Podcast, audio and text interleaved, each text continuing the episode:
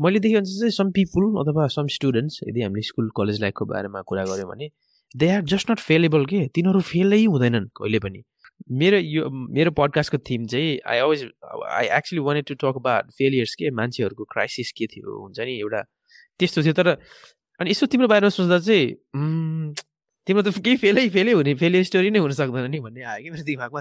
होइन त्यस्तो त अब आफ्नो पर्सनल लाइफको कुराहरू धेरै होला होइन? अब यहाँ अब पब्लिक प्लेटफर्ममा अलिकति एक्सप्रेस पनि गर्नु हुँदैन तर सायद यस्तो हुन्छ त्यो हामीले चाहिँ के गर्छौँ भने अब अरूको हामीहरू देखिरहेको हुन्छौँ त अरूको लाइफ हेर्छौँ। अझ स्पेसिफिकल्ली अहिलेको जुन कल्चर जुन त्यो अझ युथहरूमा के छ भन्दाखेरि एकदम आइडोलाइज गर्ने कि जस्तै सेलिब्रिटीहरू उनीहरूलाई होइन? अब त्यस्तै त्यो सेलिब्रिटीहरूलाई आइडोलाइज गर्ने एउटा फ्या ऊ होला तर अहिले चाहिँ हामीहरूले हेर्दाखेरि जस्तै तिमीले चाहिँ अब यो यो मान्छे फेल नै हुँदैन भने त म के थाहा होइन म कुनै लाइफको कुनै एउटा उसमा पोइन्टमा म फेल पनि भएको थिएँ। त्यो फेल भनेको त्यो ग्रेडको हिसाबले मात्र होइन अरू कुराहरूमा पनि फेल भएको हुनसक्छ होइन। त्यही भएर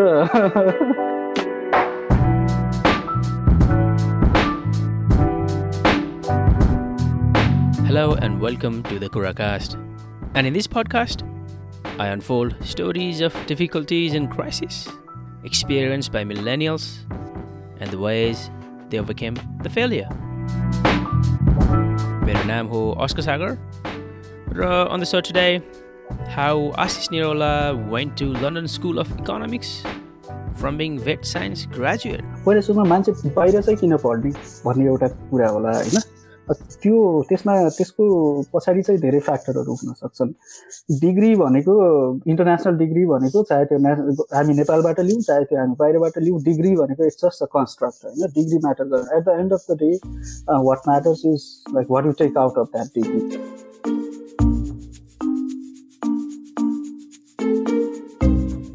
so Ashish निरौलालाई मैले स्कुलदेखि नै चिन्छु। हामी स्कुलमेट्स थियौँ तर उनी मभन्दा एक ब्याच सिनियर र जब उनलाई मैले यो पडकास्टमा बोलाउन सोचेँ I thought about our school days Ashish never fail to amaze our teachers and his parents In fact, he was, and I think he is considered to be one of the most successful students of our school. And that smart kid now is studying Masters of Public Administration in London School of Economics. But guess what? Just like many other international students, culture shock also gave him a little knock on his and his journey in London started with little embarrassment.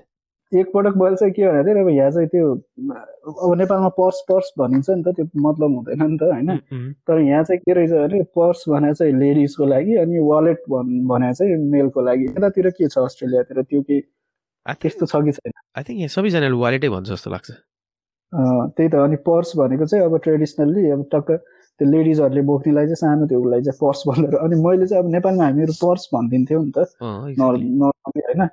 अनि त्यही मेरो room पार्टनरसँग एकपल्ट हामीहरू त्यो shopping गएको अनि मैले चाहिँ पर्स पर्स भनिरहेर चाहिँ ऊ अचम्म मानिरहेको रहेछ कि होइन। पाँच छ मैले पर्स भनि निकालिसके पछाडि अनि उसले भने होइन यहाँ चाहिँ पर्स त किन भनिरह पर्स त यस्तो हो वालेट चाहिँ यो हो यो वर्ड युज गर्छ नि त भनेको त्यति बेला हात फेरि जस्तो लागिरहेको थियो होइन। त्यही त अब अब त्यो त अब चिनिरहेको मान्छे थियो त्यही भएर सङ्ग्रुप पार्टनर भएर। तर नयाँ मान्छेसँग मैले त्यसरी गर्दा ए के भनिरह यति कुरा पनि थाहा नभएको भनेर एउटा जज चाहिँ गरिदिन्थ्यो होला क्या थर्ड पर्सनले होइन?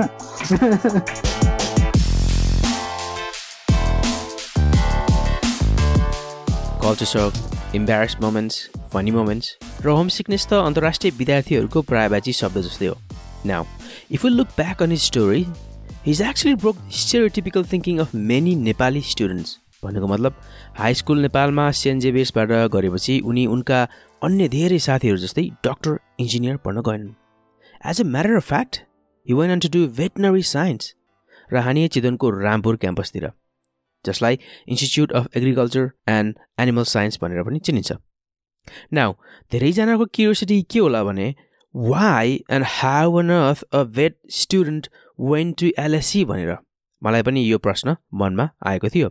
तर उनले भनेअनुसार उनलाई रामपुर क्याम्पस पढ्दा साथीभाइसँगको चिया गफ जहाँ साइन्स पोलिटिक्स र इकोनोमिक्सका कुराहरूले पनि केही प्रेरणा मिलेको थियो।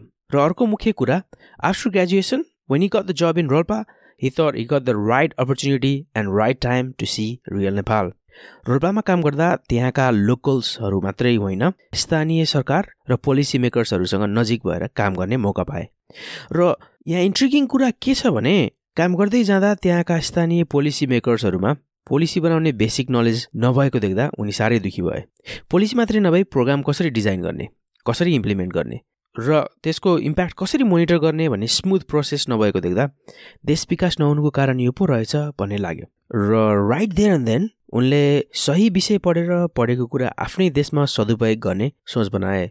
Afterwards he got full scholarship in LSC र उनी भन्छन् एलएससी पढ्न चाहने विद्यार्थीहरूले पाँचवटा मुख्य कुरामा ध्यान दिन जरुरी छ। सबैभन्दा पहिला चाहिँ एकाडेमिक प्रोग्रेस हो जस्तै यहाँ चाहे अन्डर ग्राडलाई अप्लाई गर्दा होस् चाहे त्यो पोस्ट ग्राडलाई अप्लाई गर्दा होस् एकाडेमिक हेर्छ तर एकाडेमिकको पनि त्यस्तो बार एकदम हाई छैन। जस्तै पोस्ट ग्राडको केसमा हेर्ने हो भने सेकेन्ड क्लास अनर्स भन्छ होइन? अब त्यो भनेको जेनरली नेपालमा आउँछ होइन? अब एभरेजमा आउँछ भनौँ न। अनि त्यसरी वर्क एक्सपिरियन्सको कुरा छ होइन? अब वर्क एक्सपिरियन्स भनेको कतिपय कोर्सहरूमा चाहिन्छ कतिपय कोर्सहरूमा चाहिँदैन तर generally if you have one or two years of experience सबै कोर्सहरू अप्लाई गर्नलाई इजी छ। अब इङ्ग्लिस ल्याङ्ग्वेज रिक्वायरमेन्ट हामीहरू भन्छौँ हामी अब आइएल्स टफलको कुराहरू गर्छौँ। आइएल्स चाहिँ सेभेन छ होइन यहाँको मिनि मिनिमम रिक्वायरमेन्ट चाहिँ।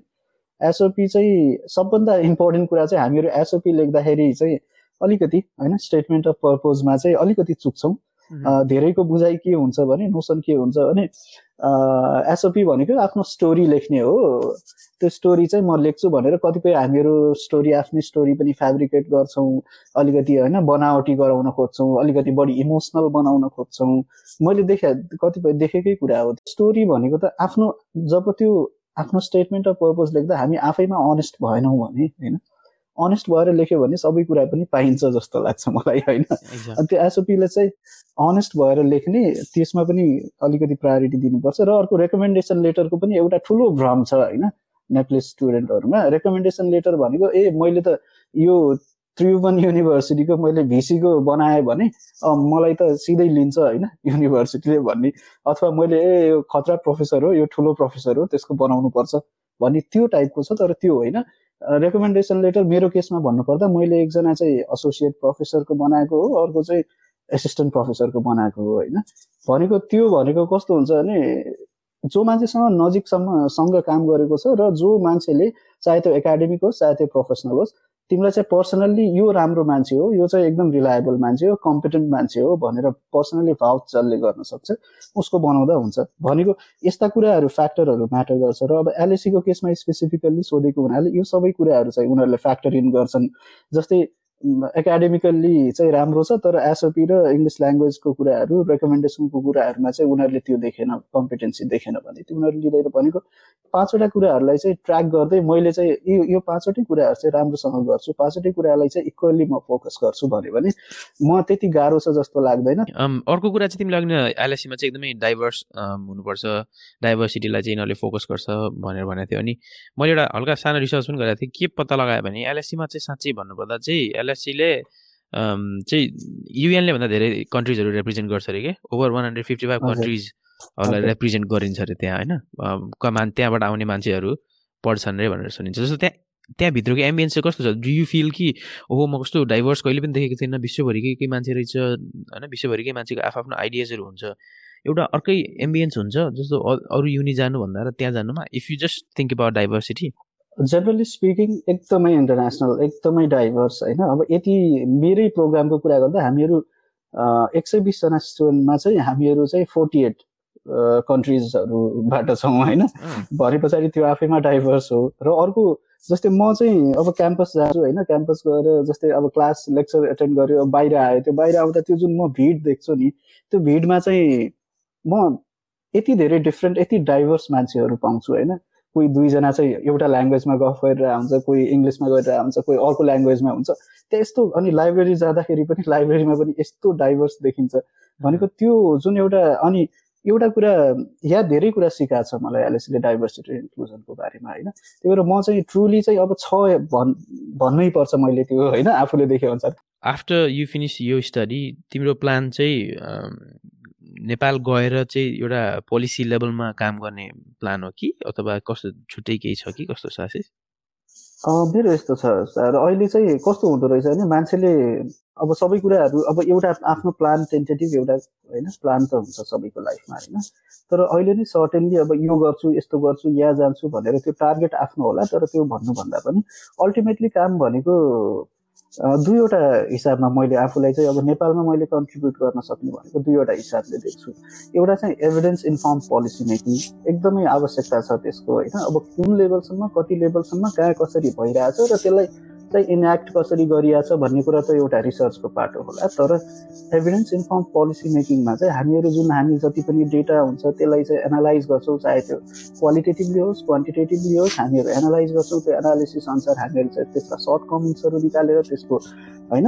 सबै कुरा कस्ट बेनिफिट एनालिसिस गरेर कुनै पनि प्रोग्राम अथवा कुनै पनि पोलिसी चाहिँ ल यो गर्नुपर्छ है भनेर गभर्मेन्टलाई अल्टिमेटली अथवा प्लानिङ बडीलाई हामीहरूले अथवा पोलिसी मेकर्सहरूलाई हामीले रेकमेन्ड गर्ने। एउटा त्यो पाटो भयो। अर्को चाहिँ स्ट्राटेजिक डिसिजन मेकिङको कुराहरू हुनसक्छ। स्ट्राटेजिक डिसिजन मेकिङ भनेको इट्स अ कम्प्लेक्स प्रोसेस यसमा चाहिँ धेरै कुराहरू आउँछ यसमा पोलिटिक्स आउँछ इकोनो इकोनोमीको कुरा आउँछ होइन? भनेको ओभरअल इन्टरनेसनल रिलेसनका कुराहरू आउँछन् पोलिटिकल इकोनोमीको कुराहरू आउँछन्। अब जे कुरा आफ्नो नलेज स्किल आइडिया पर्सपेक्टिभ जे जे छ त्यो सबै चाहिँ यो मैले एउटा एभिडेन्स इन्फर्म पोलिसी मेकिङमा देख्छु र अर्को स्ट्राटेजिक डिसिसन मेकिङ यो दुईवटा पाटोमा चाहिँ मैले कन्ट्रिब्युट गर्न सक्छु जस्तो लाग्छ।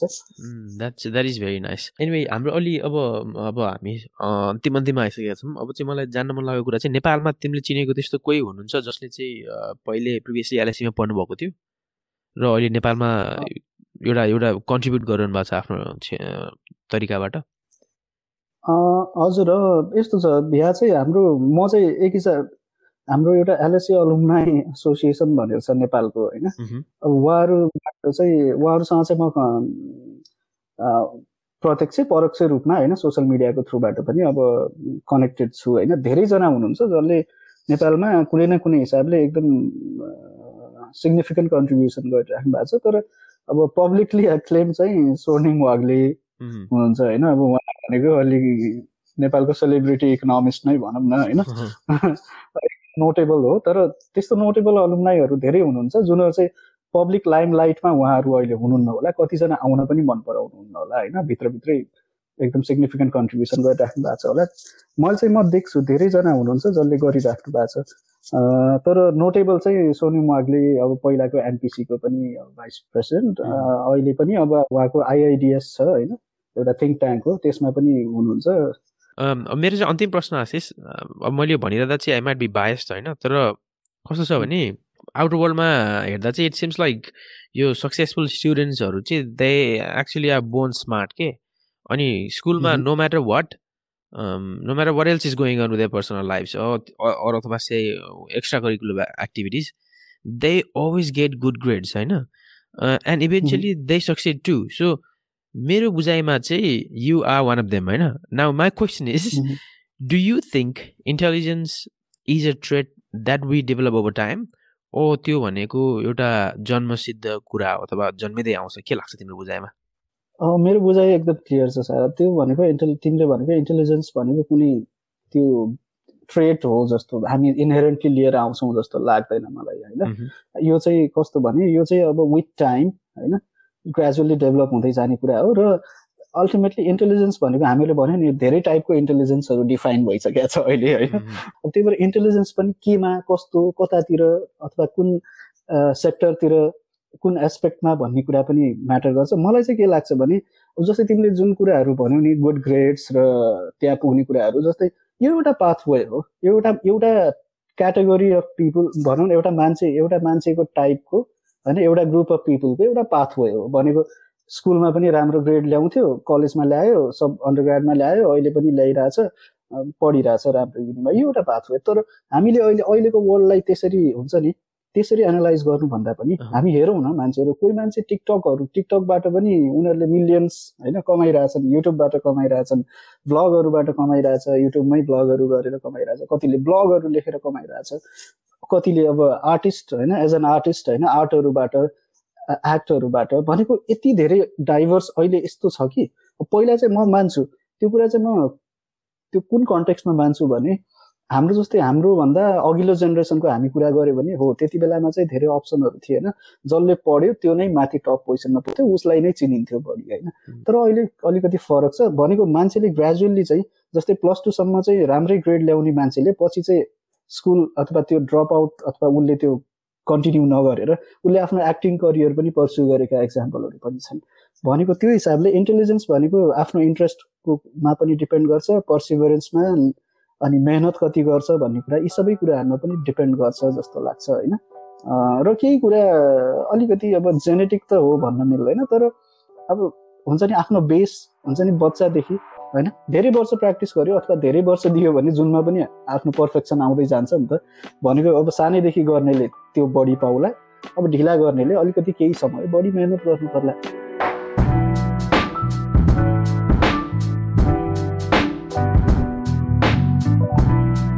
Punyathe Ashish Nirola, a current student of London School of Economics. And thank you so much for listening to this episode. You can subscribe this podcast on Apple Podcasts, Spotify, Anchor, and Google Podcast. You can also reach out to me on social medias. Thanks also to Prakash Panthi, Rojina Tamrakar, Sanchar Raj, Sachindra Maharjan, and Ratish Thapa. I am Oscar Sagar, and you've been listening to the Kura Cast.